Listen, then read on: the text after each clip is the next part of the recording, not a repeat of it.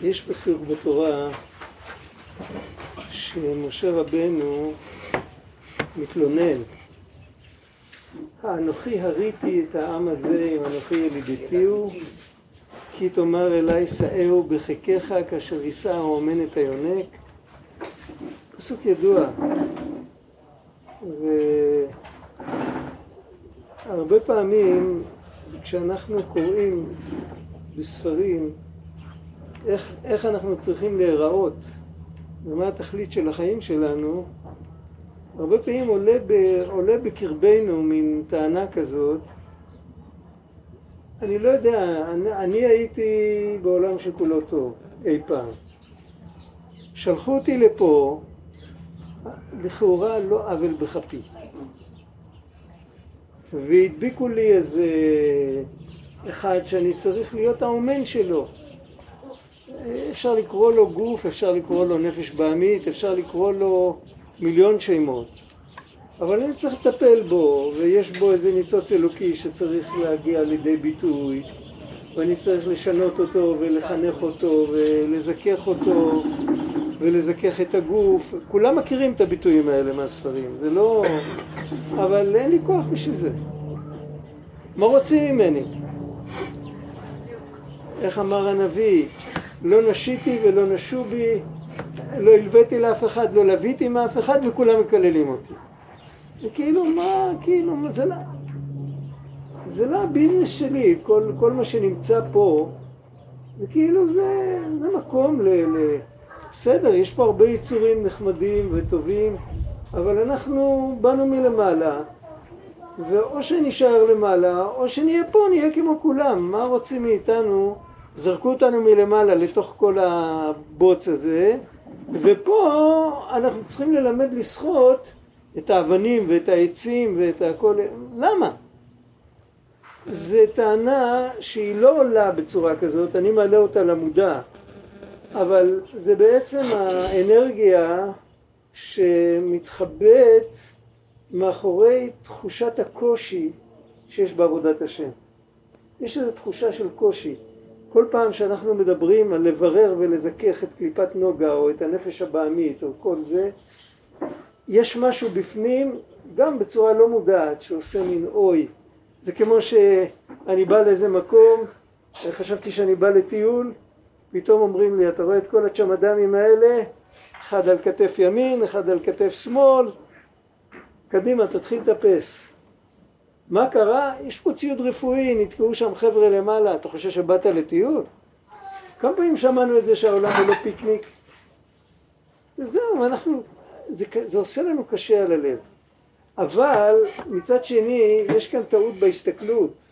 יש כאן טעות נוראית, כי בעצם משה רבנו כשהוא אומר כאשר יישא האומן את היונק והוא מתלונן שקשה לו זהו מתלונן שקשה לו כאומן, אבל מה היה אם היונק היה שומע את הדו-שיח הזה?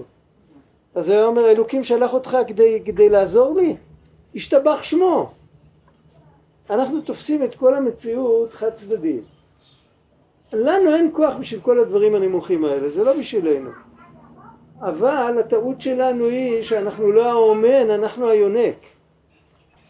השאלה זה מי אנחנו. האם אנחנו באמת, אנחנו בתחושה שלנו, אני לא מדבר בה, באמת האמיתית אנחנו אלה שהגיעו מלמעלה ונתנו לנו פה חבילה לתקן אבל באמת הפסיכולוגית הפשוטה לא במקום המדויק האמיתי שלנו, באמת היומיומית הפשוטה, מי אנחנו? בוא נבדוק את עצמנו, מה מעניין אותנו, בוא נגיד ככה מה מרתק אותנו? אז יש לכל אחד משהו אחר, אבל, אבל לא לרבים מאיתנו מעניין המקום שממנו הגענו. סימן שזה לא אנחנו. על כל פנים בגלוי, אני לא מדבר על מה שנסתר נסתר מעינינו, אולי, אולי נפענח את מה שנסתר, אבל בגלוי אנחנו, אנחנו היונק, אנחנו לא האומן, זה ברור. אנחנו אלה שמקבלים את העזרה. כשאני פותח ספר ואני רואה שהנשמה ירדה לעולם הזה בשביל לתקן ולברר את קליפת נוגה ואת כל הניצוצות לעלות ובמקום להרגיש אוי מה עשו לי אני צריך להרגיש וואי שלחו לי נשמה בשביל לתקן אותי? השתבח שמו. אם אני מסתכל ככה הכל משתנה. כי כל הבעיה הייתה בגלל שאני מיקמתי את עצמי במקום הלא נכון. אז זה קודם כל, זה, זה עניין אחד. ו, וזה מקל עלינו את כל העבודה. עכשיו מה האמת? האמת היא שאנחנו באמת הגענו מלמעלה ואנחנו באמת אה, קדושים וטהורים וכל זה אבל כרגע בגלל שאנחנו כרגע, מה, איך אומרים, בוא נבדוק מה מעניין אותנו, מה אנחנו אוהבים או מה מפחיד אותנו או דברים כאלה אז אנחנו נראה שאנחנו כאילו, אנחנו צריכים את הטיפול, זה לא שאנחנו צריכים לטפל במישהו אחר, אנחנו צריכים לטפל. עכשיו אפשר להסתכל על כל זה בעוד וריאציה, זה אמרנו כל אחד עם עצמו. עד כאן זה ברור, נכון? רגע, זה לא... עוד פעם? הרב גל, אז הכוונה זה שאנחנו מזדהים עם החלקים הנמוכים. אנחנו צריכים להגיד תודה שיש לי גם חלק עליון שבא כן, לעזור לי. כן. אבל המטרה של... אין לנו מטרה בסופו של דבר שכשאני אגיד אני, אני אתכוון לנשמה. כן, כן, יש כן מטרה, יש, אבל, אבל אבל אני זה... לא שם. זה לא, אנחנו עוד לא שם. לא שם. ומשה רבנו כן היה שם? אה? משה רבנו כן היה שם? משה רבנו, כן, הוא היה הראש, הוא היה הראש גם בתודעה וגם באמת. כאילו לא היה אצלו הבדל בין מצב למהות. עכשיו, מצד שני, הוא לא באמת התאונן. הוא, הוא התאונן על, על פרט, לא על כל... הרי הוא יכל, הוא, הוא כבר גמר להתאונן, בעצם הוא סירב ללכת לשליחות שלו בסנה. הוא סירב ללכת, ושכנעו אותו שכן ילך, והוא הלך בסוף. מה הוא רוצה עכשיו עוד פעם? הבעיה הייתה שהוא היה צריך לתת להם בשר. את זה הוא לא אהב. מאין לי בשר לתת לכל העם הזה, כתוב בספרים שלא הכוונה מאיפה לקחת, היה להם. היה שם בהמות, היה שם... מדבר סיני זה לא מדבר סהרה. יש הרבה נאות מדבר והרבה מים והרבה מי שמכיר את סיני, אני מקווה שיש פה כמה כאלה. אז, אבל, אבל אה, הוא אמר מאין לי בשר, זה לא שייך אליי, לא שייך אליי להתעסק עם להאכיל אנשים מבשר. כן, זה כאילו... אז, אבל לא, לא שב... הוא לא באמת התמרד נגד אה, לתת עזרה. על כל פנים, יש את זה גם במישור העיניים שלך מול השמש, בדיוק. ו- בואי לפה, הנה. הנה, את יכולה לשבת פה, הנה, פה. הנה, כבר, כבר פתרנו את הבעיה. השאלה, סליחה, לאורך זמן אי אפשר לשבת ככה. מה? אם הגענו לפה, סימן שלא תיקנו כבר קודם. יכול להיות. אז איך אנחנו... יכול להיות, יכול להיות, יכול להיות, אבל, אבל יש גם כאלה שבאים פעם ראשונה, ואף על פי כן, עוד מעט נדבר על זה יותר, נפתח את זה. אבל קודם כל רציתי לומר שיש את זה גם במישור הציבורי, זה לא בדיוק אותו דבר, אבל זה, בתכל'ס זה בדיוק אותו דבר. הרבה פעמים מתקילים אותנו עם כל מיני פרויקטים שצריך ללכת לעזור לאנשים אחרים. לעזור לאנשים אחרים פיזית, לעזור לאנשים אחרים נפשית ורוחנית, לגרום למישהו אחר שיהיה שמח, שיהיה לו טוב, זה לא קל. הרבה פעמים בן אדם יש לו את התוכניות שלו, והוא צריך לוותר עליהן, והוא צועק, "אה, מה אין לי בשר? כאילו, מה, מה רוצים ממני? אנוכי יריתי את העם הזה אם אנוכי ליתיהו. מה התשובה? התשובה היא שאתה חושב שאתה במקום טוב, וההוא, אתה צריך לעזור לו. יש חלק ממך, חלק אבוד ממך, שנמצא בתוך הבן אדם שאותו פגשת ואותו אתה צריך לעזור. והחלק הזה משלים אותך, אם אתה לא תשחרר אצלו את הנקודה שלו, אתה בעצמך תישאר תפוס. כי אחרי ככלות הכל, אנחנו יחידה אורגנית אחת. ולכן עוד פעם, המיקום השגוי הוא גורם לנו להרגיש שאין לנו כוחות, אבל ברגע שאנחנו משנים את, המיגור, את המיקום ואנחנו שמים את זה במקום הנכון, אז אנחנו מרגישים שאני... באים לעזור לי, לא שאני בא לעזור לאחרים. עוזרים לי, אני שמח שעוזרים לי. זה ששלחו לי, איפה זה כתוב? אז אני ראיתי את זה בכמה מקומות, אבל המקום הכי בולט איפה שזה כתוב, זה כתוב על צדקה. כתוב בזוהר הקדוש, שאם השם יתברך רוצה לתת לאדם מתנה, הוא שולח לו מישהו חסר כל שידפוק לו בדלת ויבקש ממנו עזרה, יבקש ממנו לחם, יבקש ממנו מים. זה המתנה שהוא שולח לו. פלא. איזה מתנה זאת? הרבה פעמים העזרה הזאת שאני נותן לו זה הדבר שהנשמה שלי מחכה עשרות שנים. זה הדבר שיתקן אותי. אז ככה צריך להסתכל על זה. זה, זה עוד, אז ראינו, איך שראינו את זה, כל בן אדם בתוך עצמו, עם הצד הנמוך שלו, ובחברה גם ראינו את זה. עכשיו צריך להבין בכלל את כל הנושא של... שהתחלנו איתו, כאילו אנחנו, אמר, מה אמרנו? אנחנו באים מלמעלה והכל טוב שם ופתאום זורקים אותנו למטה ובאיזשהו מקום משכיחים מאיתנו איך היה נראה למעלה וקצת קשה לנו עם כל מיני... ו... למה? אז אם נשים לב לביטוי, הביטוי הזה מופיע בהרבה ספרים, מהקדמונים עד האחרונים ביותר, הנשמה יורדת לעולם הזה, על כמה דברים דיברנו עד עכשיו? שניים.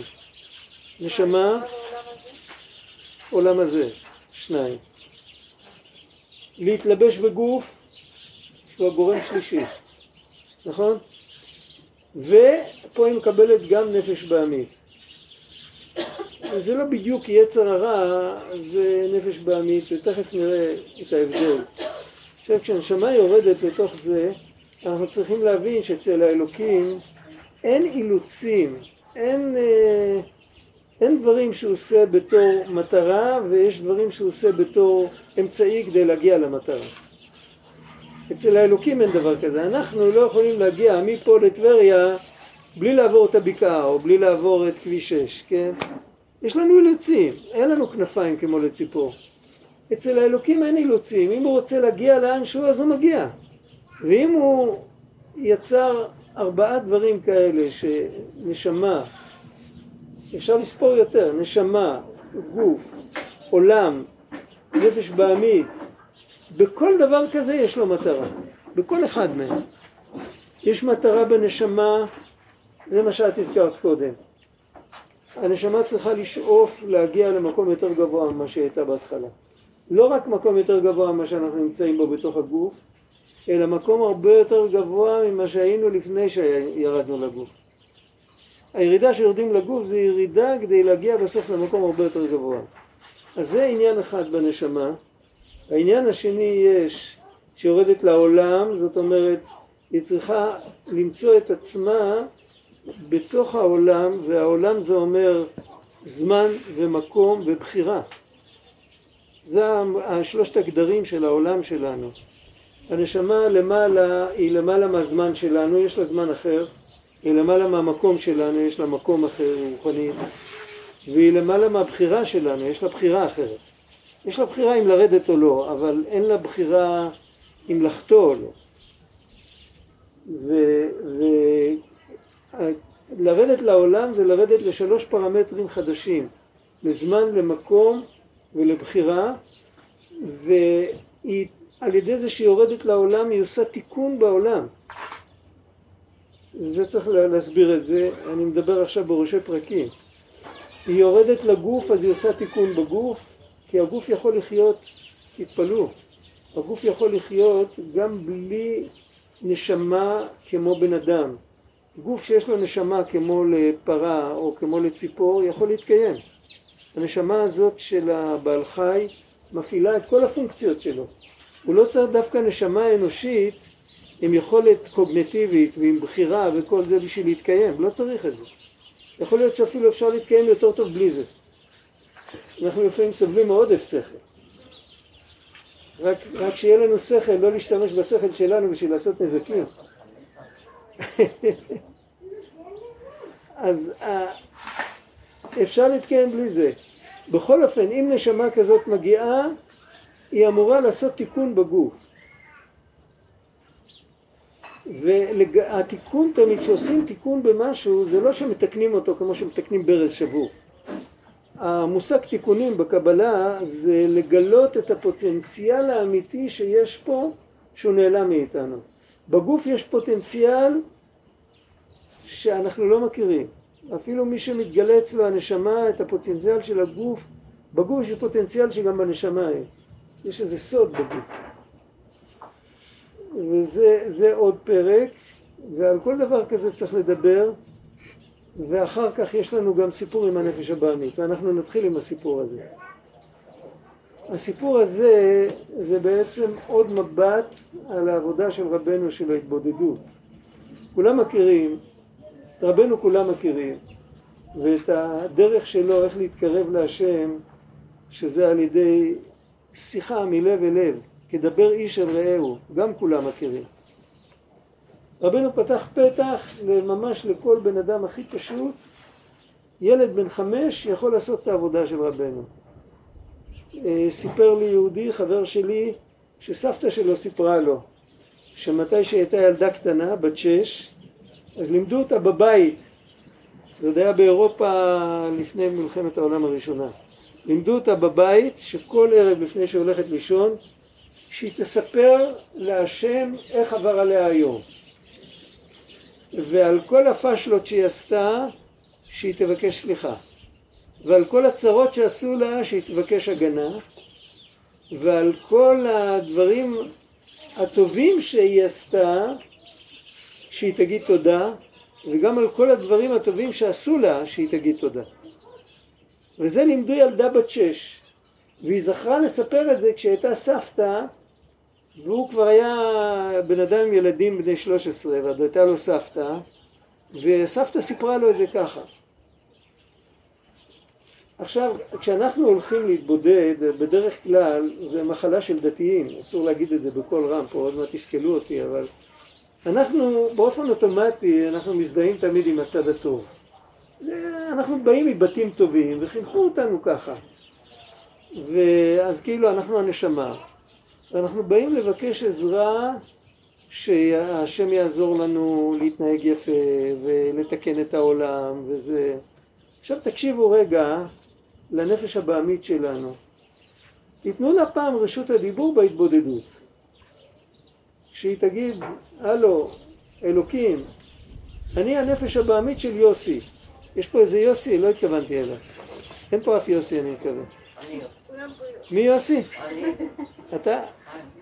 את יוסי? כן, כמובן. אה, אני, אני הנפש הבעמית של יוסי. מותר לי לדבר איתך? הוא אומר לה, כן, בטח. הוא אומר, כן, תחשוב עליי, אני נמצאת בתחתית, ויש לי שכנים לא סימפטיים. יעני, כל התאוות וכל ה... ויש לי נטייה להתחבר אליהם.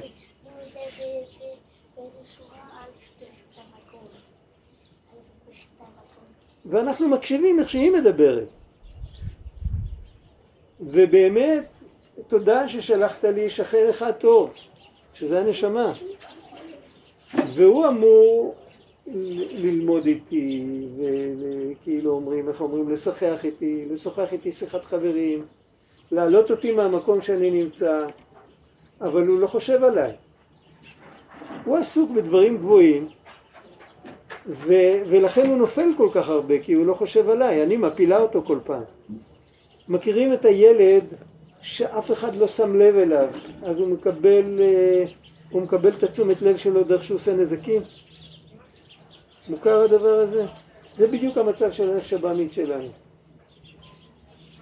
היא לא, כאילו, אף אחד לא מסתכל עליה, אף אחד לא משתף אותה, אף אחד לא מדבר איתה.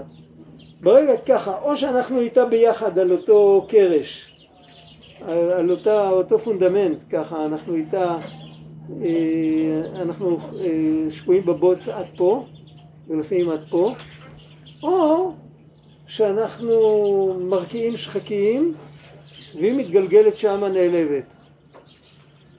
והיא לא מרגישה טוב בשני המקרים. גם כשאנחנו איתה, היא באיזשהו מקום, היא אומרת, אה, אנחנו, אנחנו בעצם זה היא. אבל באיזשהו מקום היא אומרת, חשבתי שאתה המציל שלי, בסוף אני רואה שאתה מסתובב איתי באותה מערבולת. למה, עכשיו עוד דוגמה, חוץ מהילד הזה, זה גם יכול להיות בין בני זוג, זה יכול לקרות, אנשים מדברים איתי, אני רואה את זה ישר והפוך, זה כאילו, זה, זה קורה, השבוע, השבוע שעבר מישהו דיבר איתי, יש לו חברה מאוד מאוד חכמה, היא ראש צוות בהייטק באיזה מקום, והיא ממש ראש גאון, הוא כזה בחור פשוט ולבבי כזה, כזה, הכל טוב לו וזה, ו... וזה מפחיד אותו. הוא כבר רוצה לזרוק אותה בגלל זה, זה מפחיד אותו שיש לו חברה כזאת. הם כבר עומדים להתחתן, אבל זה מפחיד אותו. ויש כאלה בדיוק להפך, שהבן אדם כל היום אה, בראשו שקוע בעניינים נעלים, וכאילו, בסדר, כמובן, אה, טוב מאוד, היא אשתי, אני מאוד אוהב אותה, אבל היא לא, היא לא, היא לא עוזרת בית, היא אשתך. היא לא פיליפינית שלך. ובאיזשהו מקום לא נופל לו האסימון, הוא לא מבין את זה. כמו שאנחנו מבינים שבין בני זוג זה לא עובד אם חיים ככה. זה אנחנו מבינים מיד. זה לא צריך להיות בשביל זה חכם. בתוך הנשמה שלנו זה גם לא עובד אם מסתכלים ככה. כאילו יש לנו נפש שכל הפונקציה שלה זה, זה פיליפינית כזאת, היא צריכה להזרים את הדם, היא צריכה לנקות את הדם בכבד ובכליות, היא צריכה עוד כאלה, היא צריכה לפמפם את הדופק בלב, היא שתעשה את העבודה שלה ותשתוק. ואנחנו uh, צריכים להתעסק עם, uh, כמו שאומרים, uh, כל מיני דברים גבוהים, וזה לא נכון. הבן אדם, תיקחו למשל את סידור התפילה, סידור התפילה היומיומי שלנו, או, או פרק תהילים, או אנחנו אומרים עזרת אבותינו אתה הוא מעולם. בחרתי את הביטוי הזה בגלל שבקבלה אבותינו זה, יש לזה שני פירושים. פירוש אחד שאבותינו זה הגלגול הקודם שלי, זה האבא שלי, ופירוש אחר אבותינו, אבותינו זה שתי הספרות העליונות, החוכמה והבינה, זה אבא ואימא, זה אבותינו. עכשיו אבל אם אני בתפילה, אני חושב על דברים כאלה, אני סותם לה את הפה עם מטפחת לנפש הבעמית שלי. היא צריכה לקבל משהו שהיא מסוגלת להבין. כשאני לומד, אני לומד סידור, אני יכול ללמוד את כל הסידור על פי האריזל. אבל כשאני מתפלל, אני צריך להתפלל שהבטן שלי תבין את מה שאני מתפלל. ושהיא תוכל להתפלל ביחד. בעזרת אבותינו זה אבא שלי שהגיע ב-1932 מאוסטריה למקום של מדבר. זה עזרת אבותינו, אתה ומעולם, מגן ראשי עליהם ולבניהם אחריהם. ויכול להיות אבותינו עוד יותר אחורה, שזה אבא שלו, או סבא שלו, ובסוף בקצה לאט לאט נגיע לאברהם, יצחק ויעקב. אבל לא כאילו מיד לתפוס את ה... כאילו...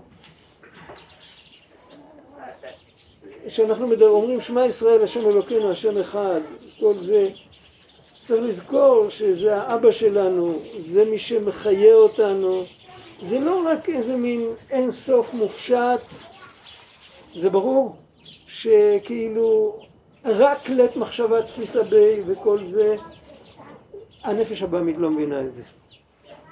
היא לא מבינה, היא לא יכולה לזרום עם זה. ואז היא זה כמו ילד קטן שלא מבין מה שמדברים בכיתה, אז הוא מתחיל להפריע, זה, הוא משתעמם, אז הוא מתחיל להפריע, הוא מתחיל לתפוס זבובים, מתחיל לזרוק גירים על הראש של החברים שלו, מפריע להם להקשיב. זה בדיוק מה שקורה לכל אחד מאיתנו. עכשיו, בפרט בדור שלנו, שאנחנו כולנו, אנחנו דור מאוד משכיל, אפילו כתבו על זה מחקרים. ראיתם פעם ספר שנקרא ילדי האינדיגו? את מכירה, את מכירה כל דבר. כאילו איך שנולדים עכשיו נשמות שהן כולן אה, נשמות פתוחות כאלה עם, עם השגה עליונה בכל מיני זה נכון. את, בן אדם ממוצע היום האופקים שלו הרבה יותר רחבים ממה שבן אדם מקביל לפני מאה שנה. זה מציאות. שאלה אבל לאן לוקחים את זה? אם לוקחים את זה רק בשביל להרחיב אופקים זה טוב. ודאי שזה טוב להרחיב אופקים אבל אם לוקחים את זה בשביל ללכת לאיבוד שם ולא לשים, לא לשתף את החלק הנמוך, אז אי אפשר להתקרב להשם יתברך. זה כמו אחד שירצה להתקרב נגיד מכאן לקיר ממול, רק עם יד אחת ועם רגל אחת. יד אחת ורגל אחת הוא ירצה להשאיר אחורה. יכול ככה? אי אפשר דבר כזה. חייבים להתקרב עם כל האישיות. זה העבודה שלנו, זה התיקון שאנחנו אמורים לעשות בנפש הבעמית. בצורה כזאת אפשר גם לחשוב באמת על עבודה של אלול ועל עבודה של להתקרב להשם ולצאת מכל ה... אם בן אדם עושה את ה... אם הוא בגובה העיניים עם הנפש הבעמית שלו הוא משוחח איתה והוא מדבר איתה על האלוקות בצורה מובנת וסולידית ולא בצורה מאיימת אז היא, יוצא, היא מתרוממת מהמקום שלה. הכלל הוא תמיד שכל ניצוץ של אור כל דבר טוב, כשהוא רואה טוב הוא נמשך אליו. זה ברור? אם יש בנו נקודה טובה, אז אם אנחנו רואים בן אדם טוב, אנחנו אוטומטית נמשכים אליו. בנפש הבעמית שלנו יש נקודה אלוקית, אחרת היא לא הייתה קיימת. היא נקודה אלוקית מאוד גבוהה, היא באה מעולם שהוא יותר גבוה מהמקור של הנשמה שלנו. זה בא מעולם התוהו ממקום מאוד מאוד גבוה. והניצוץ הזה, אם אנחנו נשדר לו, הוא רק, הוא, הוא כמו, כמו שאומרים, גאון בגיל אפס. צריך לדבר איתו בשפת התינוקים, אבל יש לו פוטנציאל של גאון. אז אם רק נדבר איתו בשפת התינוקים הזאת, אז היא לאט לאט יקרה משהו בתוך הלב, שפתאום כל הדברים השליליים יפסיקו לעניין אותנו. בלי מלחמות. הרב שטיינזלץ פעם כתב על זה, הוא כתב את זה בסגנון אחר, הוא, הסגנון שלו הוא סגנון שונה, אבל אה, הוא, הוא כתב שיש דרך למצוא את האלוקים ללא משברים וללא מלחמות. אם אתה מחפש בתוך עצמך, אתה מוצא את הנפש הבעמית. ואם תחפש בתוכה, תמצא את הניצוץ האלוקי. ותמצא את הנשמה האלוקית. ואם תחפש עוד יותר עמוק, תמצא את האלוקים בעצמו. אבל הדרך עוברת דרך הגוף, דרך הנפש הבעמית. זה מתחיל ממקום מאוד פשוט. ולנו זה נראה ירידה, אבל זה לא ירידה, זה, דיברנו על זה פעם. אני, כדי להגיע, אני רוצה אה, לנסוע לירושלים, ואין לי רכב, אני הולך לאוטובוס, אז אני הולך לכיוון ההפוך. אם הייתי הולך לירושלים ברגל, מבתיים, הייתי, הייתי הולך לכיוון הכביש, לצאת מהיישוב. אבל האוטובוס לא עוצר שם, האוטובוס עוצר במרכז היישוב. אז אני חוזר אחורה, ואז אני צריך, זאת אומרת, הרבה פעמים בשביל להגיע לאיזה מקום, אתה צריך להגיע למקום שנוצר החיבור. אתה לא יכול להגיע ישר. אתה מחפש uh, תחנת רכבת, לפעמים אתה צריך לעבור אחורה. אז הסיפור, מה?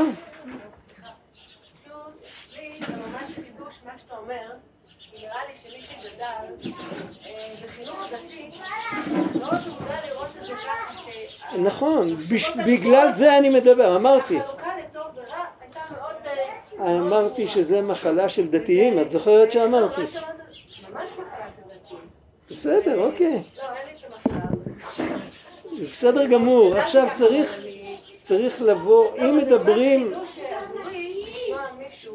שיש לו כיפה על הראש ומדבר בצורה כזאת, ואני חושבת שזה מאוד מחובר, מאוד מחובר למציאות, ורק ממקום כזה יכול לבוא תיקון. אבל, אוקיי, אבל עם זה אפשר בסוף להגיע לאנשהו. כן? עם זה אפשר בסוף להגיע לאנשהו. יש, אה, יש יהודי, איך קוראים לו? הרב יעקובסון, שמעת עליו? שמעתם עליו? הוא גר ב... נו, זיכרון יעקב. הוא מחנך, הוא כתב כמה ספרים על חינוך. הוא מתייחס לבעיה הזאת, הוא כותב שבמקום לחנך אנחנו מאלפים. וכדי לח- כדי לחנך צריך לעשות את העבודה הזאת שאני מדבר עליה. כן, כדאי שתעברו צד אולי. בתוך עצמנו, אתה יכול לתת כמה דוגמאות איך נותנים את הכבוד לנפש ה... אה, מתי הגעת? אה. אז יכול להיות שכבר נתתי אותם. אז אה, קודם כל, ה- על ההתבודדות שדיברתי, היית? אז שמה זה מתחיל. שמה זה מתחיל לתת את רשות הדיבור לנפש הבעמית שלנו. לתת לה את רשות הדיבור, לתת לה לדבר, שהיא תלשין עלינו, שאנחנו לא מטפלים בה. אה, תביא כמה דוגמאות בבקשה. זה זה מה שאמרתי, נו. אה, מה, תקשיב, אם היית נותנת רשות דיבור לנפש הבעמית שלך, שהיא תדבר עם הבורא, מה היא הייתה מספרת לו? תחשבי לבד, את יודעת מה, עדיף, עדיף לעשות את זה אה, לא כמו להעתיק במבחן ממישהו אחר. תחשבי מה היה עולה לך אם, אם, היית, אם היית מקשיבה לדו-שיח כזה. מה היית שומעת? מה היה יוצא ממנה? המצוקות היומיומיות למשל? זה המצוקות היומיומיות? גם מצוקות יומיות, אבל, אבל גם כשמדברים כבר עם הבורא ומרגישים את הנוכחות שלו באיזשהו אופן, אז היה תמיד ביחד עם המצוקות היומיומיות, היה מגיע גם עוד איזה מילה, תראה באיזה מקום אני נמצאת, שאלו כל המצוקות שלי. זה ברור? כאילו, אני מכוונת רק לדברים שהם היום כאן ומחר חולפים. מה יהיה איתי, כמו שאומרים? הנפש הבהמית יודעת את זה? ודאי? ודאי, ודאי, ודאי, ודאי, ודאי. יש שם נקודת חיות, אפשר לחדד את זה עוד יותר, זה יעזור גם לך וגם לך.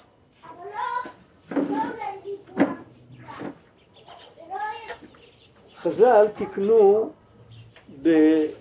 בברכות קריאת שמע, ברכת יוצר, יש שם את עבודת המלאכים. אנחנו מתחילים יוצר אור בורא חושך, ואחר כך אה, יש שם איזה פתיח ארוך כזה, אלוקי עולם ברחמך הרבים רחם עלינו וזה, ואחרי זה תתברך לנצח, צורנו מלכנו גואלנו בורא קדושים זה המלאכים, השת... אה, איך? השתבח שמך לעד מלכנו יוצר משרתים ואשר משרתיו כולם עומדים ברום עולם. ואחרי זה מגיע עוד קטע שהם אומרים קדוש קדוש קדוש. זה פסוקים מהתנ"ך שמתואר הנביא רואה את המלאכים ואת כל זה. מה זה קשור לברכת קריאת שמע? למה זה צריך להופיע שם בכלל? אומרים יוצר אור בורא חושך אומרים תודה שיש אור. מה כל זה קשור לברכות קריאת שמע, לבוקר, כאילו זה, זה תפילת הבוקר של היהודים, מה זה, מה זה קשור? הנפש הבעמית שלנו היא השתלשלות מהמלאכים. אם אנחנו ניכנס עמוק עם הנפש הבעמית, אם מישהו יודע לתקשר עם הנפש הבעמית שלו עד הסוף, לשאול אותה את השאלות הכי נוקבות, הוא יגלה עמוק בתוך המלאך. מה, שסרח? לא שרף, מלאך. לא, שסרח, מה קרה למלאך הזה? המלאך? לא סרח, המלאך השתלשל, זה מושג שאנחנו לא מכירים, בנצרות יש את המושג של מלאך שנפל, זה כמו השטן, כן. זה תזה נוצרית, אנחנו לא מדברים על נפילות, אנחנו מדברים על השתלשלות, אני אתן דוגמה, אני אתן דוגמה בפסיכולוגיה, הרבה פעמים, פעם דיברנו על זה לפני הרבה זמן, תחשבו על מושג שנקרא שנאה.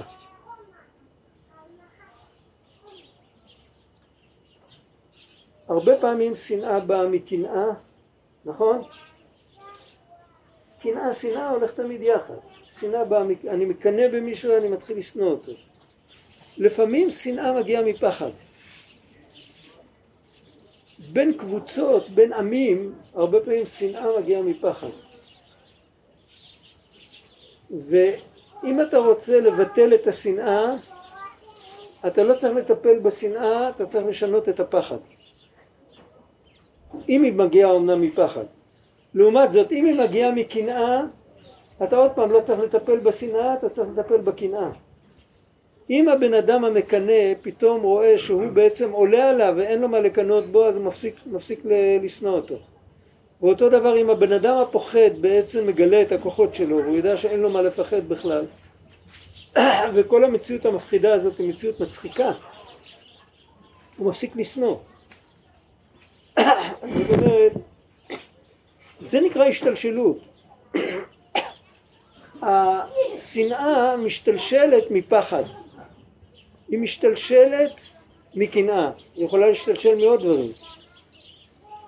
הנפש הבעמית שלנו, מה זה? אם נסתכל טוב, מה זה? זה אנרגיה, זה חיות, זה חיות שמחיה אותנו. בלעדיה אנחנו לא יכולים להסתדר. נשמה לא יכולה לחיות גוף בלי המתאם הזה של הנפש הבעמית. עכשיו, הנפש הזאת היא סוג של אנרגיה שהיא לא יכולה לבוא משום מקום רע, כי ברוע אין אנרגיה. אם יש אנרגיה באיזשהו מקום בעולם זה בא רק מהקודש. זה ברור, זה בא רק מהקדושה. זה בא מהקדושה, רק הקדושה בהתחלה היא מופיעה כספירות. שהספירה, כשהקדושה היא ספירות אז היא אלוקית לגמרי, לא, אין שם אגו, אין שם כלום. וכשזה משתלשל אז גם מתחיל להופיע מלאך. המלאך כבר יכול להגיד אני. אז הוא כבר יצור נברא, נבדל, אבל הוא עדיין קדוש, הוא עדיין טוב. אם הוא ממשיך להשתלשל, אז בסוף, מה, שגוד, מה שגודל ממנו בסוף, מה שמתבטא בסוף, זה סוג של אה, מציאות שיש לו המון אנרגיה, אבל הוא דואג רק לעצמו, הוא אוהב את עצמו, הוא לא רע. אם מישהו יעמוד נגדו הוא יהרוג אותו, אבל הוא לא רע. הוא לא מתכוון לעשות רע. הוא מתכוון לעשות לעצמו טוב. הוא מזהה את הטוב בטוב כזה שהוא לא טוב אמיתי, אבל הוא מזהה שם טוב. עכשיו, אם אנחנו מבינים את זה, ולכן חז"ל תיקנו לנו לומר בברכות של קריאת שמע את הסיפור של עבודת המלאכים, זה כמו שאומרים, בוא, אתה רוצה לעשות הכרה עם עצמך? עכשיו על יהודי בן תשעים, תקשיבו טוב, יהודי בן תשעים, אין לו כוח לזוז, יושב על כיסא גלגלים, ומביאים לו פתאום תמונה, תודה, מביאים לו פתאום תמונה איך שהיה נראה בגיל 19. איך היה נראה בגיל 19? מה זה עושה לו? יכול להיות שזה עושה לו דיכאון, אבל תלוי באיזה מצב הוא נמצא, אבל יכול להיות שזה לא עושה לו דיכאון, יכול להיות שזה עושה לו, בכל אופן הייתי שווה פעם משהו, זה אני אחרי ככלות הכל, כן? אז בברכות קריאת שמע, בברכה הראשונה של קריאת שמע בבוקר, ברכת יוצר אור, מראים לנו את התמונה של הנפש הבעמית שלנו, איך שהיא נראית במקור. בוא תסתכל איך אתה באמת נראה. איך שאתה נראה עכשיו זה צורת ביטוי מעוותת, זה כמו איזה מגמגם שלא יכול לדבר אז הוא אומר מילים שלא מבינים אותו. אבל בעצם במקור אתה כזה. עכשיו אם בן אדם מפנים את הרעיון הזה, זה כבר מרומם אותו לאיזשהו מקום, הוא כבר לא ילך לשקר ולגנוב. זה לא מתאים. זה ברור. שאלה להביא את זה מהמקום ההפוך, שדווקא מה שרבותינו אומרים תמיד תהיה יד שמאל דוחה ויד מחבקת. לפעמים יש הרגשה שכל המחשבות שלנו הן נוגה. ה... במחשבות זה סיפור אחר. יש לפעמים בן אדם שצריך עזרה ראשונה. בא לו מחשבה לא טהורה, אז אומרים לו, אנא, אתה כרגע אין לך כוח לטפל בדבר הזה, תחשוב בינתיים על דברים אחרים. זה כתוב כמה פעמים, בליקוטי מהר"ן כתוב, יש סיפור כזה. הוא מספר, אין הרבה סיפורים בליקוטי מהר"ן, זה ספר של תורות.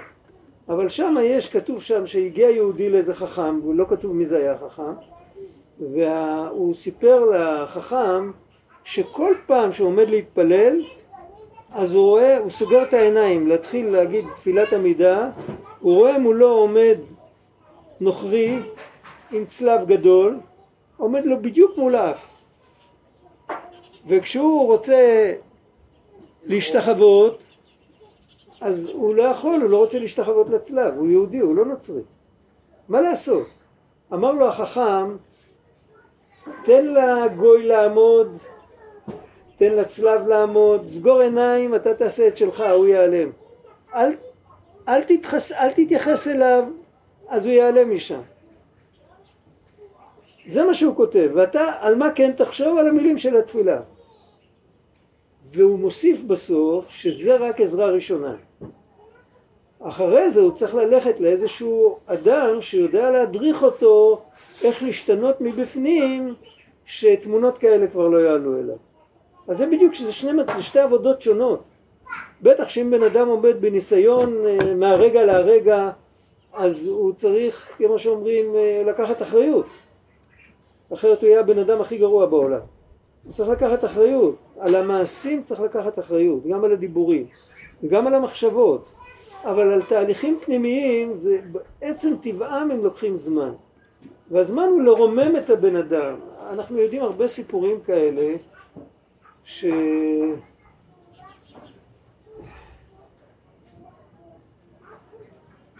היו הרבה שרצו ממש ל, ל, לרדת למקומות לא נורמליים. גם, גם מבחינה רוחנית, גם מבחינה תורנית וגם מבחינה אנושית. היו כאלה, ועם כמה שהסבירו להם לאיזה מקום רע הם הולכים, לא הצליחו למנוע אותם. אבל כשהסבירו להם כמה הם טובים, אז הם פתאום, איך כתוב, דבר קל צף למעלה, הוא כבר לא שוקע. זה הסיפור, יש עוד הרבה פרטים בזה, אנחנו אוחזים בפרט האחרון, דיברנו, אמרנו ככה, נשמה יורדת לגוף, היא יורדת לעולם הזה, לגוף, אל הנפש הבעמית, והנשמה עצמה היא גם כן עוד.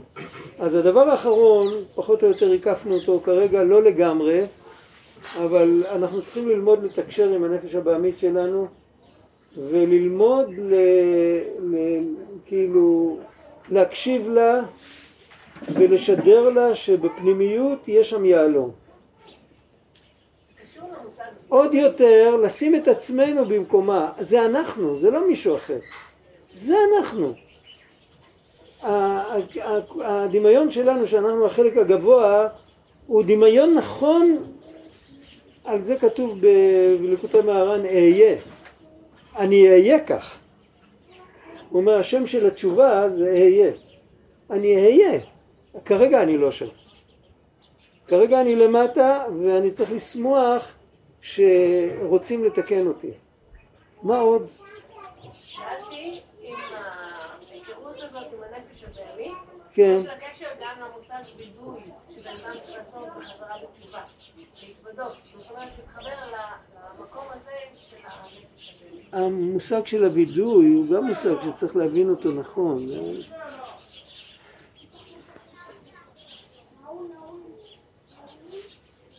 כל המושג של התשובה, בעברית לא אומרים חרטה, אומרים תשובה.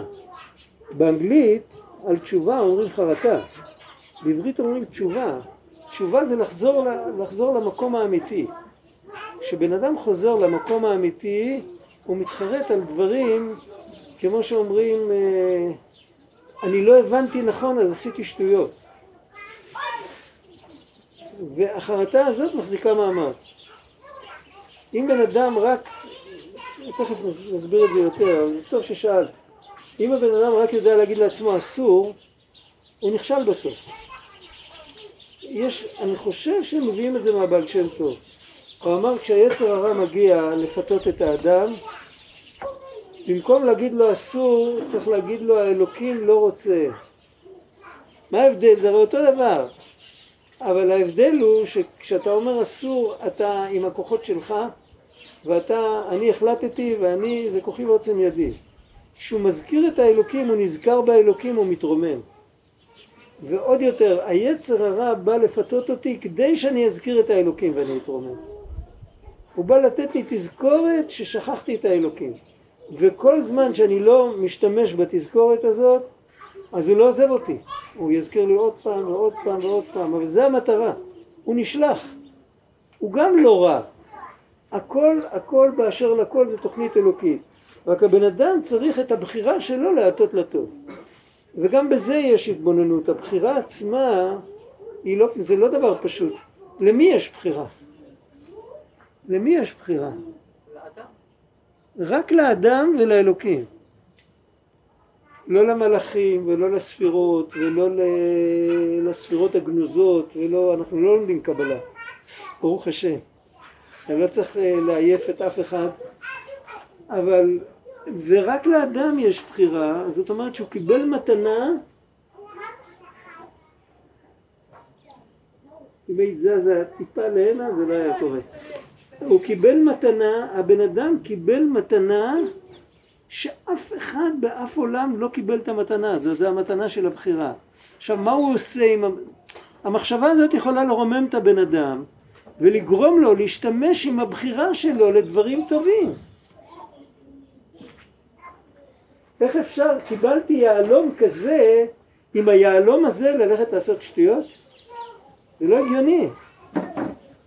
אבל זה הכל, אה, שמעתי פעם אחד מהזקנים שהוא אמר, הוא סיפר על זה כמה סיפורים, הוא אמר שעיקר שיטת הבעל שם טוב, עוד כמה ימים זה יום הולדת שלו. עיקר שיטת הבעל שם טוב זה היה זה, הנקודה הזאת. שבמקום לדבר על הרע, לדבר על הטוב, ולגלות אותו, לחשוף אותו. זה הסיפור של הנפש הבעמית, ובאמת כשהולכים להתבודד אז צריך לתת לה את רשות הדיבור. זה לא פשוט, ואנחנו לא רגילים לעשות את זה. זאת אומרת, הרב גד, זאת אומרת, זאת אומרת שהעבודה עם הנפש הבהמית זה לתת לה להתחבר חזרה למ- ל- ללמעלה, לשם, כן, ולהזכיר לה את הרצון שלה. כן, להזכיר לה גם שהיא מלאך בפנימיות. אבל מה לאט לאט? לא לעשות את זה, אה, נגיד אם לילד יש אה, פוטנציאל גדול במוזיקה או בציור, אנחנו לא לוחצים עליו שהוא יהיה כמו שאנחנו מדמיינים אותו בעוד חמש-שש שנים. אנחנו נותנים, נותנים לו את מה שהוא צריך אבל לאט. ומי נותן, כש- כשאני בהתבודדות, ואני נותנת לנפש הבהמית שלי לדבר עם השם. ל... לדבר עם השם. כן. כמו שהרב אמר. מי נותן לנפש הבהמית? מי מה? מי זה בתוכי שנותן? אז זה בדרך כלל, בטעות, אמרתי, זה מחלה של דתיים. אוטומטית אני מזדהה עם החלק הטוב ואני מדבר עם השם שיזכה אותי, שאני רק אלמד ואני רק אתפלל ואני אתפטר מכל ענייני העולם לפעמים אפילו אני אומר לו, אתה יודע מה, קח אותי מכאן, אני לא רוצה להיות כאן בכלל. קח אותי אליך. וזה תפילה לא נכונה, זה לא, לא לפי הכוונה, זה לא נכון. התפילה צריכה להיות עם הכל ביחד, עם אה, מי שעשה פעם אמון מחלקה בצבא, אמון כיתה אפילו, יודעים מה זה נקרא ליישר קו, אחרת יורים מאחורה. ששורה מתפרסת ומתקדמת, וכולם יורים. אם מישהו ירוץ יותר קדימה, אז החברים שלו יהרגו אותו. אנחנו עושים את זה כל הזמן, אנחנו לא שמים לב. אז זה צריך, עכשיו, כמה זמן עוד נשאר? לפי הזמן שהתחלנו או לפי הזמן שהיינו לא, אמורים אה, בוא, נגיד ממתי שהתחלנו אפילו, אז כמה זמן נשאר? רבע שעה. רבע שעה. רבע שעה. רבע שעה לא תוכלו להתפלל מנחה כבר עוד מעט. לא, בעצם על הגבול, עוד כמה דקות. אז בוא נלך עוד תחנה.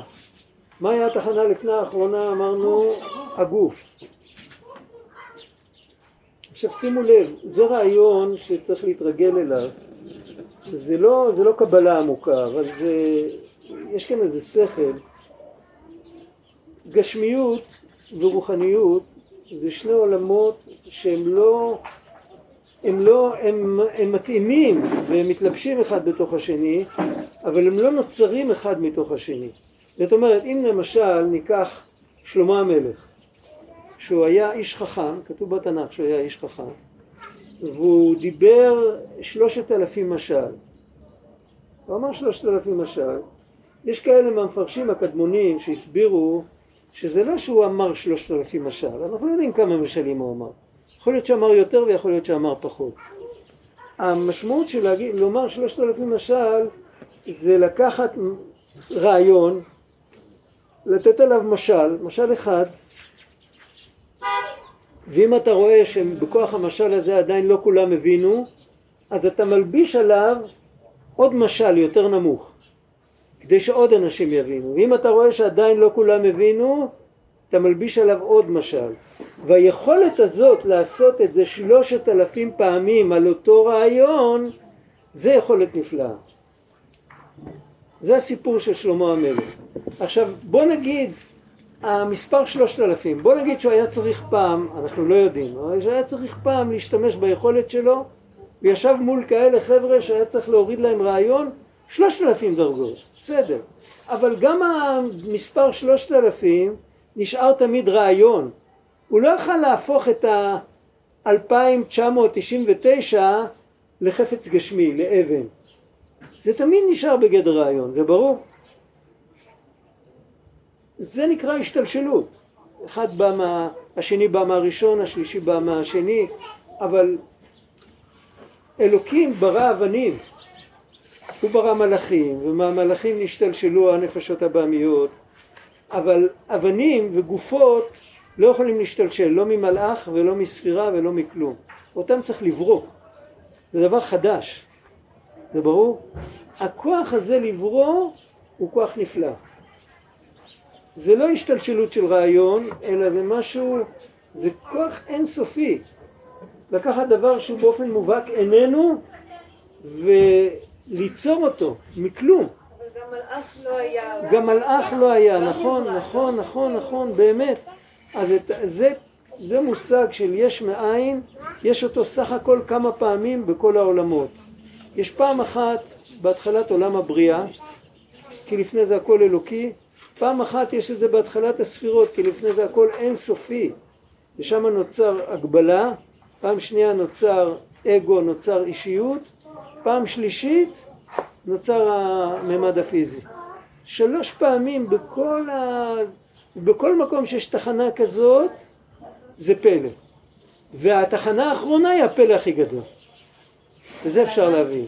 אבל הרב אני, אם אינני טועה, שמעתי מהרב שנגיד יש פה כיסא בעולם, אז זה כן איזשהו ביטוי של משהו מאוד רוחני שנמצא שם למעלה. נכון. ביטוי כן, אבל הוא לא משתלשל ממנו, הוא מגלה את אותו רעיון. האבן מגלה שם שהוא נקרא שם בן. למה יש שם עוד א' אני לא יודע, אבל יש אב סג מה בן, האבן באה מה, מהבן.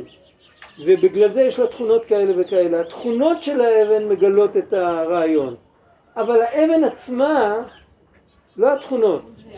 יש, אפשר ללמוד פסיכולוגיה של דומם. יש חפצים שמתכופפים, יש כאלה שנשברים, אבל התכונות זה סיפור אחד, זה הנפש של הדומם. אבל עצם הקיום של הדומם הוא פלא. והגוף שלנו, המולקולות, החלבון, הדם, הסידן, זה דומם.